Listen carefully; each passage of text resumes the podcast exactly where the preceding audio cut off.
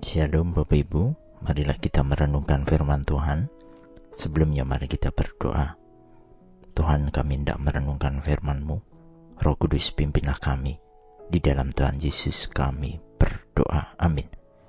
Bacaan saat ini diambil dari Yohanes 1 ayat 4. Yohanes 1 ayat 4. Dalam dia ada hidup, dan hidup itu adalah terang manusia. Ayat 4 bacaan saat ini menyatakan peran Kristus sebagai pemberi hidup yang kekal. Tuhan adalah sumber kehidupan. Dan di dalam Alkitab kita juga membaca bahwa semua hal yang baik itu dikatakan sebagai terang. Sedangkan hal yang jahat atau kejahatan disebut sebagai kegelapan. Jika terang adalah metafora untuk kebenaran dan kebaikan, maka kegelapan menandakan kejahatan dan dosa. Yohanes dalam Injilnya menjelaskan salah satu peran Yesus dalam kehidupan bagi umat manusia adalah sebagai terang, yaitu menerangi jalan bagi yang diselamatkannya, di samping menyingkapkan keberdosaan manusia. Cahaya Kristus menghalau kegelapan.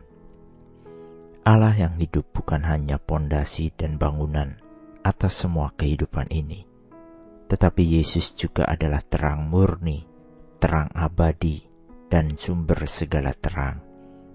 Dia adalah terang, dan di dalam Dia tidak ada kegelapan sama sekali, karena Yesus berkata, seperti dalam Yohanes 8 ayat 12, Akulah terang dunia.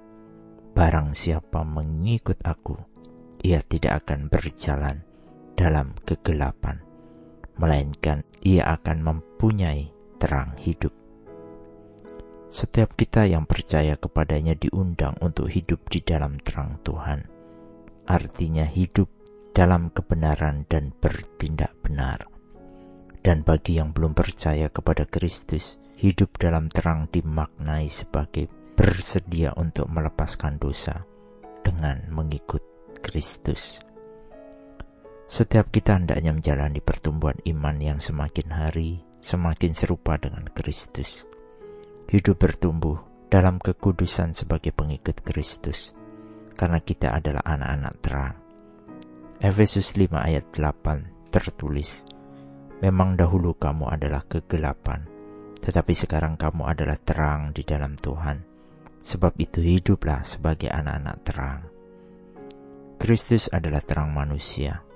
Terang Kristus menyinari dan berkuasa atas kita, sehingga kegelapan tidak lagi berkuasa. Dosa tidak berkuasa lagi atas kita. Dan supaya kita terus memperoleh terang Kristus, maka kita harus terus berjalan dalam terang kasih Tuhan. Berjalan dalam terang kasih Tuhan berarti kita mengikuti ajarannya, hidup dalam kuasanya, dan bertumbuh dalam kasih karunia-Nya. Karena kita adalah anak-anak terang. Amin. Mari kita berdoa. Bapa Surgawi sungguh kami bersyukur Tuhan telah menyelamatkan kami dari kerajaan kegelapan dan membawa kami ke dalam terang kerajaan Tuhan. Engkau menerangi dan memberi kehidupan baru di dalam Kristus. Kiranya kami dapat menjalani kehidupan setiap hari dengan cara yang berkenan kepada Tuhan dan mau hidup dalam roh dan kebenaran. Ini semua adalah bagi puji dan kemuliaan nama Tuhan saja. Tolong kami senantiasa Tuhan, di dalam Tuhan Yesus kami berdoa dan memohon. Amin. Tuhan Yesus memberkati. Shalom.